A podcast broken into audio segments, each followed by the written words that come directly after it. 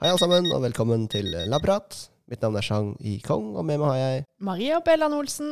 Og Ida Gregersen. Og vi sender fra Institutt for indremedisinsk forskning ved Oslo universitetssykehus, Rikshospitalet. Og godt nyttår, eh, alle sammen. Ja, godt nyttår, ja. Godt nyttår. Da var vi tilbake igjen, Yay. som lovet. Som lovet, ja. Det er bra. Ja, ut, uthvilt vet jeg ikke helt, men vi er eh, i hvert fall tilbake igjen. Vi er tilbake. Ja, Jula er jo en eh, typisk måned der eh, man spiser litt mer enn det man skal. Eh, Og også i år, for min del i hvert fall. Hvordan har dere klart dere? Jo, absolutt. Med veldig overlegg, da. Det er jo liksom absolutt med vilje. Men, ja. men jeg kjenner det blir, det blir liksom godt med litt vanlige rutiner nå. Absolutt. Og jeg bare ler, for det her prater alle om hvert eneste år. Nei, nå har det vært for mye i jula, og så skal du begynne på en ny, fin måned i januar. Ja, og mange nyttårsforsetter da, sikkert, der ute. Absolutt. Ja. Mm. Det Men- hater jeg faktisk. Det har jeg aldri hatt. Nei, men følte Nei. Har du ikke hatt det? Nei, syns jeg er helt dust. Men, men, men du, du, Ikke sånn for de andre, for man gjør som de vil, men det er bare Ja, sånt orker jeg ikke. Nei. Men, men du har vel en gjøre etter nyttår Ja. eh, dot, Ja, er kanskje bare at ikke Selvfølgelig. Nei, det er kanskje bare det jeg liker ikke det konseptet med at liksom, å, da skal liksom alt skje, for det er så sinnssykt urealistisk. Men, uh, men selvfølgelig, jeg har jo sikkert likevel liksom en sånn tanke om at eh, ja, noe kan bli bedre og sånn og sånn, men det kan jo være like godt når som helst, bare ikke etter nyttår, liksom. Mm. Ja, ja. Jeg kan, men jeg kan jo ha det gjerne de samme nyttårsforsettene om igjen og om igjen. For Ja. det skjedde jo aldri. Nei, nettopp! Det er bare tull. Typisk sånn at i år skal du ordne opp i de der forsikringene. Ja, ja, ja, ikke sant? Jo da, men sånne tanker har jeg jo. Men det er bare det, jeg blir helt svett av at liksom treningssenteret er alltid fullt i januar, og så da åh, tenker jeg bare så tynnes det herregud. Bli hele året, liksom. Altså, idioter. Men, uh, men, men følte du da, Sjang, at uh, kolesterolet ditt steig sånn uh, Ja, altså det hadde jo vært interessant å målt uh, kolesterolet på seg selv, da. på, jul, på julaften? ja, eller, eller på, befolkningen, på befolkningen generelt. Hadde Ja, vært litt ja. interessant å gjøre. Ja, for man kjenner jo faktisk ikke Det er jo også noe vi Det har vi kanskje ikke sagt, men man kan faktisk ikke kjenne at, at man har høyt kolesterol. Kan man kjenne det? Nei. Nei, nei, men i fjor faktisk så tok eh, bror, broren min og de hadde sånn helsesjekk rett etter jul på, i firmaet. Og da hadde jo alle høyt kolesterol. Er det sant? Eh, men det var jo litt rart. Så da satte jeg i gang. Da fikk jo jeg helt spørsmål. Så da så fikk jeg hun ene venninna mi som jobber i firmaet til broren min, til å starte sånn eh, eh, sunn lunsj. Eh, Så hun satt jo i gang, kjøpte inn grønnsaker og fikk de til å kjøpe litt Det er et anleggsfirma, det her, altså. Så Mm. du kan jo tenke deg hva de Ja, det går mye cola og sånne ting du kjøper. ja. Fra og til Så det kan jo være tilfelle at de alltid hadde litt høyt kolesterol der. Absolutt. Ja, ikke noe Eh, med jula å gjøre. Nei, det var kanskje ikke etter jul. Jo, det var Ja. rett etter jul. Ja, ok. Og så gikk det to uker, og så var de alle inne til test hos igjen. da. Så da var det ingen som hadde høyt kolesterol. Så om det var noe med testen som de tok, eller om det hjalp den der eh, dietten, jeg vet ikke. Uansett bedre å spise sunnere, da.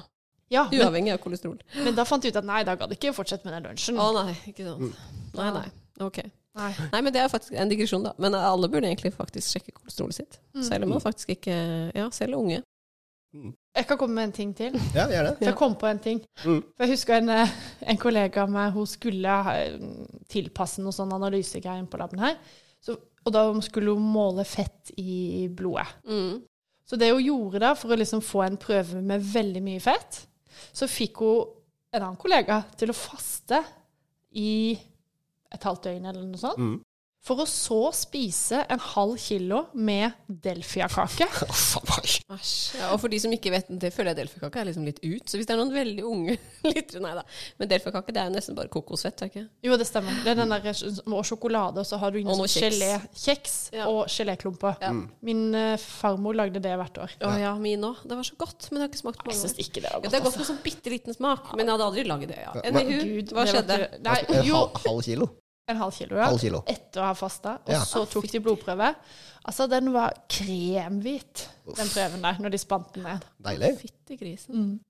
Ja. Så alle som har kost seg med Delfia-kakejula, vær så god. Men heldigvis, da, så for de fleste og friske, så går liksom eh, ja, hva skal jeg si, kolesterolnivå og fettnivå i blodet ned når man normaliserer, eller etter man har spist. Ja, ja, så det her var jo rett etter man hadde spist, ikke sant? Ja, ja, absolutt. Ikke sant? For å ikke skremme noen liv av noen her. Nei, jeg tror ikke jeg skal av noen. Det er helt trygt å spise mye Og han, jula. eh, han som gjorde det her, var jo en lege som eh, tenkte Jeg var ikke akkurat bekymra. Han syntes bare det var litt gøy. Mm. Ah, fy fader. Ja. Høres kvalm ut. Og med en så lystig inngang til eh, det nye året, så skal vi kanskje sparke i gang prosjektspalten i dag. Ja, det syns jeg. Og nå må vi vel kanskje ha en litt sånn oppdatering fra håper å si, i fjor, da. Mm. Hva var status egentlig når vi gikk i ferie? Ja, vi eh, hadde jo denne mutanten vår, som mangler et DNA-reparasjonsenzym. Yes. Og så har vi jo målt, eh, målt den i, i huet og ræva, holdt på å si. Vi har jo testa mye. Og Ja. det vi fant, var jo at den hadde litt eh, høyere nivåer av sirkulerende glukose i blodet. Ja. Og så har vi gjort da en glukosetoleransetest. Funnet ut at disse musene takler glukose litt dårligere, eller at de eh, bruker litt lengre tid på å bli kvitt glukosen fra blodet. Mhm. Og så fikk jeg endelig målt da også insulinsekresjonen under en glukosetoleransetest. Og fant ut at de skiller ut litt mindre insulin enn vanlige mus. ja, ikke sant. Fra bukspyttkjertelen, da. Ja, Ja. Så det kan jo tyde på at de sliter litt med å produsere nok insulin. ja. Uh, og uh, siden vi snakket sammen sist, så har jeg fått målt insulin i disse musene eh, ved basaltilstand, da. Altså når vi ikke har uh, utfordra dem med glukose. ja. Så sånn som det er når de bare flyr rundt når de bor der Ja. til vanlig. ja. Ja, Bare for å se om uh, kanskje det var noe med den testen som de ikke taklet like bra. Mm. Uh, og at de vanligvis har det helt fint. ja. Uh, men det jeg fant, var jo at de eh, faktisk har lavere insulin også ved basaltilstand. Det ser ut som at de alltid har litt grann lavere insulin eh, enn normale mus. Ja. Så eh, det jeg lurer litt på nå, er jo om eh, dette forklarer alt av det vi har sett. Ja, For det passer jo veldig med at de alltid har litt med sukker i Ja, det gjør jo det. Mm. Eller glukose. Mm. Mm. Eh, Men jeg tenker vi skal, må, for å komme ordentlig til bunns i det, så må vi også teste om er de like sensitive til, for insulin. ja. Altså, Og det om de- fungerer like bra, ja. Ja. Eh, For kanskje har de noen reseptorer som gjør at, insulin, at de ikke trenger like mye insulin. Mm. ja. Eller kanskje de oppå dette igjen også er litt resistente for insulin. Ja, altså at cellene ikke reagerer på det.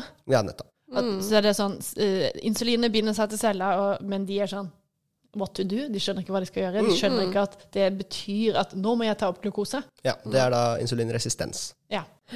Ikke sant? Ja, fordi, men det er- viser jo litt på en måte at Og det er jo liksom typisk for alt vi gjør, selvfølgelig. At vi, ting må vises på mange forskjellige måter da, før vi er sikre på noe. Så det er liksom ikke sånn vi måler én ting, og så sier vi at det er Det finnes ikke liksom som regel en fasit på én f.eks. tilstand eller sykdom. Det er ikke så ofte, i hvert fall. Nei, men for du viser én ting, så må du også vise at alle de andre tingene som potensielt kan forklare det Også stemmer, på en måte. Ja, eller ikke stemmer. Og da ja. kan det være noe annet, da. Ja. Ja. Så eh, til neste gang da, så tenkte jeg at eh, vi kanskje må gjøre en insulintoleransetest. Ok, Ja. Hvordan fungerer det, da? Den er veldig lik glukosetoleransetest. Mm. Eh, For glukosetoleransetest der gir vi musene glukose, Mm. og så måler vi hvor raskt de blir kvitt den glukosen fra blodet igjen. Mm. Denne gangen skal jeg gi dem litt insulin, Mm. og se hvor fort blodsukkeret faller. For insulin gjør jo at blodsukkeret blir fjernet fra blodet Mm. og inn i cellene våre. Men vil de da få glu glukose samtidig, eller? Nei, Nei. da tar vi de eh, når de Så da kan, men de har jo, altså musene de spiser jo litt sånn hele tiden. Og, Ja. Men da får de jo ikke for mye insulin, så de får ikke, de får ikke sånn uh, sjokk. Nei. Eh, De, den dosen skal ikke være så høy at de får det. Men eh, hvis noen skulle få det, så står jeg der klar med, med glukosesprøyta. Mm. Ok, ja. Så du passer på de. Absolutt. Dette er med insulin og, og glukose skal vi jo komme mer inn på i diabetesepisoden vår etter hvert. Det er jo neste episode, det. Ja, ikke sant? Ja. ja, Men det passer jo bra, for det nå har vi jo forklart litt, men det er jo veldig mye mer å si. Ja. Men da kan vi jo eh, komme i gang med dagens tema. For eh, det vi skal snakke om i dag, er noe som heter in vitro-forsøk. Og eh, dette er jo en metode som eh, står veldig sentralt i all biologisk forskning, og også i vår forskning. Men hva er det det egentlig betyr? In vitro? In vitro, det betyr i glass. Og det vil da si i laboratoriet utenom organismen, da. Så ved in vitro-undersøkelser så studerer man prosesser i reagensglass, glass eller petriskåler. Og det brukes jo bl.a. om laboratorieundersøkelser av vev og cellekulturer. Mm. Eh, Jeg må bare også få legge til at eh, in vitro også omfatter forsøk utenfor en celle. Eh, Hvis man skal teste enzymaktivitet, f.eks. Hvis man renser opp eh, et protein eh, og sjekker eh, aktiviteten til dette proteinet. Det kalles også in vitro-forsøk. Så det er alt som gjøres eh, utenfor en organisme i et eh, glass, eller i plastikk, da, som er egentlig det vi bruker. Ja, Det er litt sånn gammeldags definisjon. Det vi bruker stort sett plastikk i glass. Men Ja, det stemmer det. Men her hos oss så gjør vi noe vevsdyrking. eh, Men vi bruker vel det først og fremst til cellekulturer. Og Ida, kan ikke du forklare litt hva det er? Mm, jo. Altså, kroppen vår består av veldig mange ulike celler. Så vi mennesker vi har faktisk over 200 forskjellige typer. Um, og i en da cellekultur, som vi kaller det, så uh, vokser og vedlikeholdes disse cellene da utenfor kroppen. Uh, og det gjør vi vanligvis i en celleinkubator, som er en slags skap. Uh, og ofte så gror vi da disse cellene altså alene, altså ikke i en blanding sånn som de jo er inni kroppen. Der er jo mange celler i samspill. Men man kan også gjøre det man kaller kokulturer, og der har man to eller flere celletyper sammen. Men man får jo på en måte uansett ikke hele kroppen inni der. Så det blir liksom én eh, eller få. Det begrenser seg sjøl, liksom? Ja, det gjør det. Um, og en celleinkubator, da, altså dette skapet som vi dyrker dem i, det skal da gi de samme forholdene som inni kroppen, med tanke på oksygen og varme osv.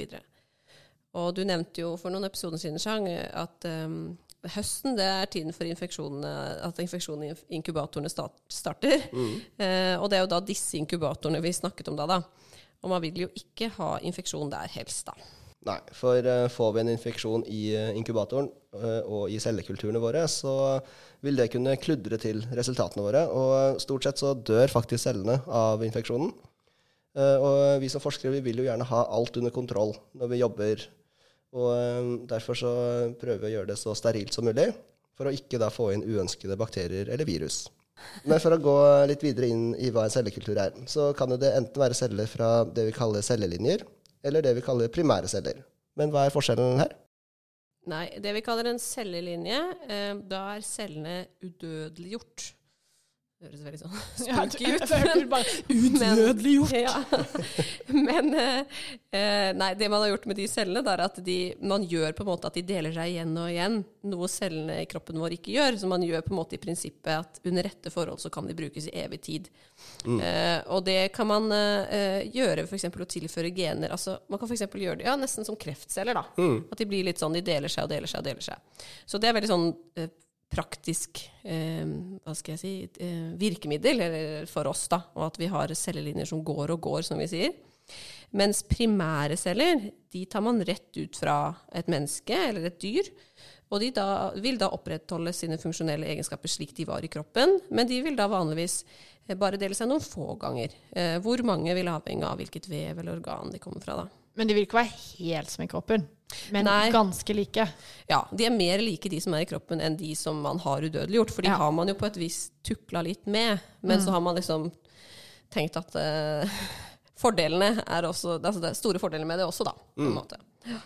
Så, uh, men det man kan med primære celler, da, for å på en måte ha de lenger, eller hva man skal si, det er jo at de kan fryses ned hvis man gjør det skånsomt og bruker sånne spesielle medier, som vi kaller det, som da altså spesielle væsker som man kan fryse de ned i. da. Mm. Så da kan vi ta de opp senere og bruke de om igjen. Men eh, de kan ikke gå så lenge inn i inkubatoren som en cellelinje kan. Nei, det, Og det her, det her, gjorde jo vi eh, under pandemien i det. For mm, vi, vi ja. jobba jo i sånn covid-team. Yes. Uh, og da um, var vi med å samle inn um, celler fra pasienter mm. som uh, var innlagt med covid på sykehusene i området her. Mm. Og de fryste vi jo ned i de her Vi isolerte jo immunceller fra blodet. Og så har vi fryst de ned i det her eh, mediet, da. Mm. Sånn at eh, nå ligger de frysende hos oss, og så kan vi ta det opp igjen for å studere de cellene. For vi mm. prøver jo å finne ut av hvorfor noen blir så himla syke. Mm. Så da kan vi tine de opp, og så kan vi ha de da i celleinkubatoren og gjøre forsøk med de, da. Ja, Det er jo ganske sprøtt egentlig at det går an å fryse ned celler for sendebruk. Men uh, det er jo veldig lurt. Og som du sier, vi er jo egentlig helt avhengig av det for å kunne da time forsøkene våre til mm. når det passer. Ja, ja og, og, så er det sikkert mange som har hørt om at det går an å fryse ned egg og sædceller. Da, og det er egentlig i grunnen de samme metodene vi bruker for å fryse våre celler. Mm. Så ja, og så går det jo an å Når du snakker om sånn egg- og sædceller og sånn, så kan man jo fryse ned en sånn liten ansamling av celler. Ja, celleklump, liksom. Ja, sånn, ja. ja, så ved sånn in vitro-fertilisering så tar man jo og fryser ned sånn bitte små embryoer, eller sånn celleklumper, da. Mm. mm. Kan jeg få komme med en liten digresjon? Ja, absolutt. Ja, For eh, noen har kanskje hørt om at det er noen mennesker som eh, har inngått en sånn avtale med et eller annet firma i USA, tror jeg. Det er som eh, sier at eh, den dagen vedkommende dør, så skal de fryses ned Mhm, for ja. å kunne da bli gjenopplivet i framtida. OK. Ja, og den ja, Jo, er det ikke sånne egne mausoleumer omtrent, eller sånne fryselagre, liksom? Sånn du, du kjøper en kiste, og så skal du liksom ligge inni der? ja, og det er i grunnen eh, litt samme metode de bruker. Ja. gjør de det? De bare legger de ned i sånn gel? Sånn. Men har det funka, liksom? Eller har de sjekka at det funker? Det er ingen som har prøvd, så vidt jeg vet. Nettopp. Men vi, kan, Skeptisk. ja, men vi kan jo kanskje raskt eh, gå gjennom eh, hvordan en sånn innfrysing gjøres da, av celler, ikke av mennesker. Nei. eh, og hva vi må gjøre for å starte disse cellene opp igjen. Ja, OK. Så nå er jeg altså på celler, for jeg har jo ikke peiling på de her menneskene. Nei. Men eh, for når du da fryser celler, så skader eh, så, så blir det skade cellene, fordi det dannes, dannes vannkrystaller som ødelegger celleveggen. Så man er avhengig av et spesielt frysemedie, og det inneholder bl.a. Uh, glyserol, som igjen da beskytter cellen mot iskrystaller. Og da fryses cellene langsomt ned til, til minus 80 grader, før de legges i en tank med flytende nitrogen for eh, lengre lagring. Så de fryses langsomt. Det er også litt sånn for at ikke de skal på en måte sprekke. Eller, Ja, ja. for at ikke du skal få de der For harde overganger, liksom, for eh, cellene. Ja. Mm. Men hva er det som er temperaturen på flytende nitrogen igjen? Er Ikke kokepunkt eh, minus 196. Ja, ikke sant. Høres rimelig ut. Ja, så under 196 grader, da. Mm. Det, når jeg henter nitrogenet nede på nitrogenet vårt, så ser det jo litt ut som jeg kjører sånn røykmaskin. Mm, Det er litt ja. kult og litt skummelt. Det er liksom eh, et av de stedene jeg føler det er viktigst å ha på seg liksom hansk, eller beskyttelseshansker. Det er ganske kaldt. Ja, Og så bråker det himla mye. Ja. Ja. Men eh, visste dere at det faktisk er noen insekter som øker nivået av eh, glyserol i kroppen sin for å kunne overleve frosten om vinteren? Å ja. ja. Det er kult. Ja, Hvilke insekter da, Sjang?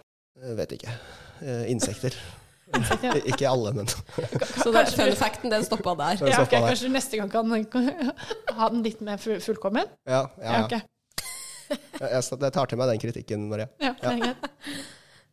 Men uh, hvordan er det vi eh, vekker disse cellene til live igjen? Ja, eh, jeg holdt på å si den prosessen er ikke sånn veldig avansert, egentlig. Men vi tar de da opp fra nitrogentanken, og så tiner vi de i vann, faktisk. Så det går egentlig da ganske kjapt. Mm. Og så skal de da rett opp i da, vekstmediet, så er de koser seg. Ja, så da får de mat på en måte med en gang vi vekker de til live. Så skal de da inn i den inkubatoren, i den væska som de trives i. Og den er jo da tilpassa celletypen. Um, og så får de vokse og gro der. Mm. Men vi kan si at I praksis er det sånn at en cellelinje har en del fordeler framfor eh, primære celler. De er litt lettere tilgjengelig, eh, spesielt da i store mengder, og vi kan faktisk bestille dem på internett. Og eh, Ofte er de enkle å bruke, og man trenger ikke å ta hensyn til pasient- eller dyreetikk, som man må hvis man skal bruke primære celler. Men på den andre sida kan disse cellelinjene oppføre seg litt annerledes enn primære celler, fordi de på en måte er tukla litt med. Mm, ja, for å, for å leve lenger. Ja, for Ja. å leve i gåsehudene evig. Evig. ja. Eh, Så det er jo da noe vi må være litt obs på.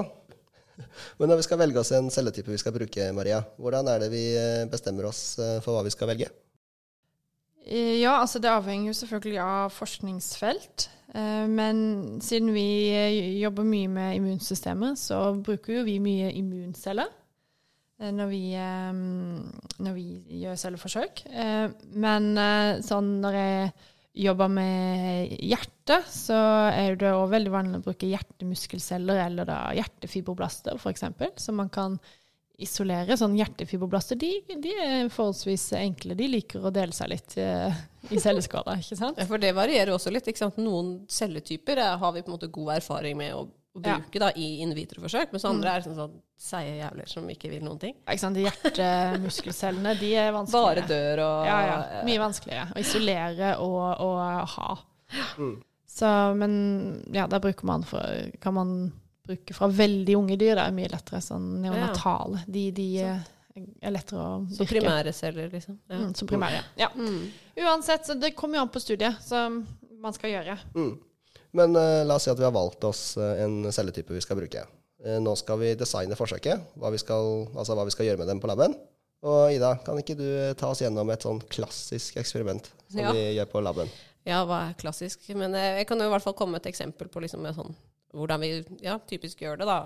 At vi, det vi gjør, er jo at det varierer jo også litt. Men ofte så sår vi de ut i det vi kaller en plate, da, på en måte, som er en slags eh, Ja, det er rett og slett en plastplate, og så har den groper i seg, eller små skåler. Ja, mange små hull, ja. Ja. Og grunnen til at vi vil ha på en måte flere, flere brønner, heter det jo egentlig da. Ja, Det er jo for at vi da f.eks. kan si at eh, disse tre brønnene de skal få et stimuli av et eller annet slag, mens disse skal vi ikke gjøre noe med, og så kan vi da sammenligne hva som skjer med de. Så det som er viktig, er at alt er liksom standardisert, at vi vet f.eks. at det er like mye celler i hver brønn. Så det første vi ofte gjør, er jo å telle cellene, da. Og, og da har man jo, eh, basert på erfaring, som veldig mye av dette her blir, et visst antall man tenker man skal ha i hver brønn. Ja. Så det vil også variere avhengig av forsøk og celletype og sånn. Eh, Så sår vi de ut. altså Vi har veldig mange, mange sånne rare uttrykk vi bruker, men da, det betyr at man da putter cellene i disse brønnene i en væske som de trives i. Og så kan vi da f.eks. tilsette et stimuli. Og det kan jo da være i vårt tilfelle ofte noe som f.eks. fremmer betennelse, f.eks. noe som ligner en bakterie. Um, og så vil vi da se sant, hva skjer med de som har fått det, og de som ikke har fått det stimuliet. Og igjen, da basert på erfaring og tidlig forsøk, og sånne ting, så har vi ofte en idé om hvor lenge disse cellene skal bli stimulert. Skal de være i seks timer inn i inkubatoren, eller 24 etter vi har putta, de, putta noe på de? Ja. Og så høster vi de, da. Som vi også sier. Eh, som også kanskje er litt sånn rart, men vi både sår og høster cellene våre. Ja. Eh, og det vi gjør da, er at vi tar ofte vare på både det, den væska på en måte som de har ligget i, for da ser vi ok, hva har cellene skilt ut, hva har de produsert mens de har vært der. Og så tar vi vare på eh, cellene i seg selv. For eksempel for å se på RNA-et deres. Hva, de, hva, hva de har planlagt å produsere. ja, hva skjer inni cellene? Ikke sant? Så, og så kan vi også se på mye annet. da. Vi kan ta bilde av de og se har de endra form. Vi kan hvor- filme de. Ja, hvem, ja hvordan, reiser, eller hvordan vandrer de rundt i celleskåla? Ja, og for noen celler gjør jo også det. Så det vil også avhenge av celletype. Og da har vi jo sånn kul maskin her som vi kan faktisk ja, altså vi kan jo på en måte lage en film over et døgn, f.eks., og så kan vi speede det opp, og så ser vi liksom sånn flytter de seg annerledes, de vi har stimulert. Og det er egentlig veldig kult, altså. Ja, jeg, jeg, jeg drev på med et sånn ganske morsomt forsøk hvor jeg fikk eh, makrofager, da, sånne immunceller, til å spise kolesterol. Ja. Og når de spiste det kolesterolet jeg, Kolesterol hadde man farga med et stoff som blei lysende, altså fluoriserende, når det kom inn i cellene. For inni cellene så kommer det inn i sånn vakuole, eller sånn. Mm. Heter det vakuole? Sånn som lysosomer, egentlig. Ja. Ja, så, som er, har mye lavere pH, da. Mm. Og da, bam, ble det, det fargestoffet aktivert. Oh, ja. ja. Så begynte det å lyse? Ja, så det begynte å lyse først når det kom inn i cella. Ja. Og det var utrolig kult å filme. Da, så det blir sånn zzzz, lysere Ja. og lysere. Så det var et mål på hvor mye kolesterol makrofagen hadde spist. Da. Altså Jo Ja. mer den spiste, jo lysere ble den, på en måte. Ja, så da kunne jo putte på forskjellige stoffer da, og se hva påvirker spisinga. Mm. Ja, Ja, det ikke sant. Ja. Så man kan jo ja, se på all mulig All mulig hva skal jeg si, atferd, om man kan kalle det det. Men, Ja, eh, men eh, vi har jo kalt det personlighetstrekk før, tror jeg. Er vi? Mm, ja. Men, eh, men altså form og vekst og bevegelse og ja. Så det, det er veldig mye gøy man kan gjøre. Altså. Mm. Men eh, sånne in vitro-forsøk, hva er det vi ønsker at det skal eh, gi oss eh, svar på? Eh, nei, f.eks. hvis vi har en immuncelle da, som vi har stimulert med noe bakterielignende, så har vi jo ofte en hypotese om hva vi vil undersøke. ikke sant? Produserer dette eh, mer av f.eks. et betennelsessignal vi er introdus- introdusert i, eh, når det da er stimulert med dette bakterielignende eh, substansen eller ikke. Så Det kan vi da måle f.eks. i den væska som det har ligget i. Så det vil jo eh, variere hva disse forsøkene eh, gir oss svar på. Selvfølgelig avhengig av også hva vi har planlagt å måle, da. Eh, Så hvis jeg, hvis jeg kan komme med den der Ja. eh, kolesterolspisende makrofagen Mm. som et eksempel, da. Hvis vi hadde hatt to celleskåler da, man har jo ofte flere, for man har kontrollere opp og ned i, i, i mente, men da enkelt eh, så kunne vi gitt i det der bakterielignende um, stoffet, mm. så kunne vi sett spise, nei, spise makrofagene mer eller mindre hvis de får det her bakterielignende stoffet. Mm, ja, ikke sant. Og Og det da- kan jo være relevant for hjertesykdom, eksempel, som vi studerer, da, fordi kolesterol er viktig der, og betennelse er viktig der. Og da kan vi jo kanskje si med en gang at de mest sannsynlig spiser mer. Ja, Mm. For de blir jo aktivert. vil jeg tro. Ja. Ja. Mm. Men igjen, da, det som, det som er viktig med celleforsøk, er at det er veldig avhengig av den på en måte litt kunstig situasjonen vi har. At cellene er ofte alene, de er ikke inne i kroppen i samspill med andre celler. Eh, og det er liksom under veldig kontrollerte forhold, noe som også er veldig viktig for at vi skal kunne være altså på en måte sikre på at vi ser det vi ser. Men det betyr jo at det ofte må reproduseres eh, flere ganger, og gjerne i andre modeller, da. Men det er jo et veldig viktig verktøy, sånn, og spesielt da, i- i humane forsøk. For det har du pasienter på sykehuset her og kan få blod av de, så kan vi studere cellene deres eh, på en helt annen måte enn hva vi har mulighet til i, i kroppen. da. Absolutt, ja. Så det blir et veldig viktig supplement til eh, den andre forskningen vi driver med. Ja. Yes. Så kan vi jo da prøve f.eks. altså etterprøve da, eh, funn vi har sett her, f.eks. i en dyremodell, eller eh, i pasientceller også, som på en måte er mer dyrebare, da, som vi kanskje ikke har så mye av, men som vi først har sett i en cellelinje vi, vi kan kjøpe på nett. liksom. Ja. Så bare for å avslutte, eh, så kan vi ta Marias eksempel en gang til. Hvis vi finner ut at dette bakterielignende stoffet øker opptaket av kolesterol i makrofager, så kunne vi jo f.eks. ha gitt mus disse bakterielignende stoffene, og sett om denne musa får mer aterosklerose enn en mus som ikke har fått disse bakterielignende stoffene. Ikke sant. Går vi litt videre. Og med det, Maria, så er vi jo klare for eh, dagens eh, Eureka. Yes! Så i dag blir det jo da en eureka som eh, passende nok er relatert til selvforsøk. Ja, ja, men så bra. Ja, og jeg tror eh, ganske mange, eller hvis det er noen som eh, jobber på laben, så kan de kanskje tenke seg til at de da blir det en reka om hele cella. Mm. Fordi det er jo en eh, cellelinje veldig mange forskere kjenner til. Mm. OK. Så eh, da kommer historien om eh, de, de første, den første cellelinja eh, som man hadde. Og det Man hadde jo veldig lenge prøvd å få til å få eh, vev altså, fra mennesker til å vokse i labben. Og, og det var nesten Jeg tror man nesten hadde gitt opp, for det var kjempevanskelig. Fikk det ikke til. Men så Altså til å leve uendelig, da. ja, altså til, å, ja, til å leve over lengre tid i Ja. celleskål, da. Ja. Mm. Det, det, det, det var veldig vanskelig å få til. Eh, men så var det da en, um, en dame som heter Henrietta Lacks. Det her var altså en, en svart dame fra USA. Hun var glad i matlaging, hun var glad i dansing, og hun, gift, hun var gift, og så hadde hun flere barn. Men hun døde, eh, eller fikk først eh, veldig hissig livmorhalskreft, og hun døde av det her i 1951, 31 år gammel. Det som skjedde mens hun var syk, var at eh, de tok prøver av kreften hennes. Og for første gang, eh, for da ble de her prøvene de ble da gitt til noen forskere også, og for første gang så klarte de å ha noen celler som ble bevart, som klarte å dele seg videre i celleskål. Mm.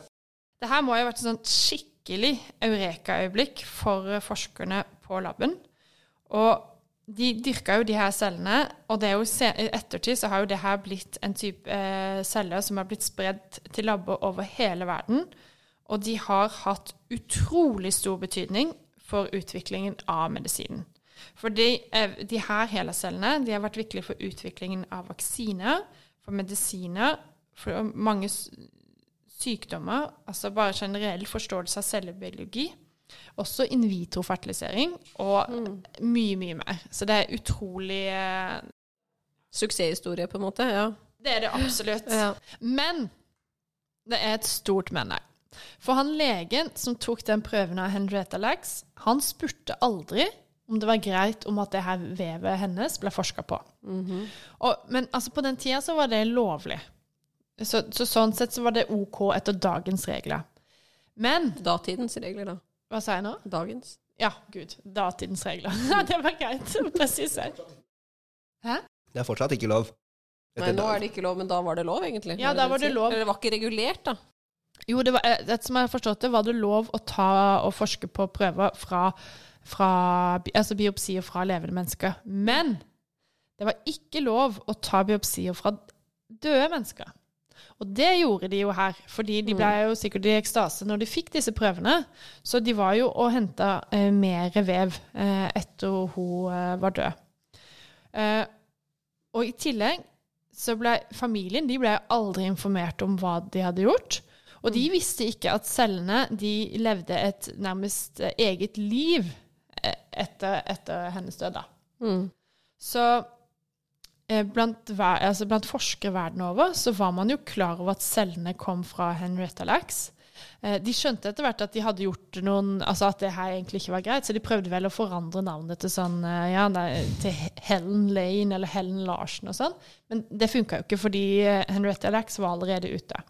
Så eh, det endte jo med at familien egentlig ved en tilfeldighet fikk vite om det her. Så nå har jo det blitt kjent, og det har jo eh, ja, blitt en, selvfølgelig en veldig stor sak. Og nå er det jo Henrietta Lacks Foundation som jobber annet med, med det her, da. Mm. Vet du, vet du når de fant ut at det var uh, hennes celler? Eller vet du når familien fant ut at det var hennes celler? Eh, altså, det tok, eh, det tok jo veldig lang tid, så det var vel eh, på 70-tallet en gang. Ja, Over Mm. 20 år etter hennes død? Absolutt. Så da var jo cellene spredt over hele verden. Ja. Mm. Uh, ja. Så den her eh, historien om Henrietta Lacks den er jo ganske um, fascinerende. Så jeg vet at det er laga en spillefilm, The Immortal Life uh, of Henrietta Lacks, på HBO, så den kan man jo se. Mm. Eller så er det en, pod en podkast som jeg liker veldig godt, eller vi liker alle sammen. Mm. This Podcast Will Kill You. De har også en egen episode som jeg, som jeg liker på hele cella. Mm. Verdt å høre. Mm. Tusen takk, Maria, for eh, nok en veldig fin eureka. Alltid sjang. Og med det så takker vi for oss for denne gang. Vi må kanskje minne våre lyttere om at de må følge oss eh, i dag. Ja, veldig gjerne. Følg oss på Instagram, Facebook og Twitter. Og så er det veldig hyggelig om dere gir oss en rating eh, via din podkastspiller. Vi skal vel kanskje på labnetur eh, før vi møtes eh, om 14 dager. Yes. Måtte tenke litt der, men ja, vi skal det. ja. Så eh, vi høres. Ja. Det gjør vi. Ha det bra.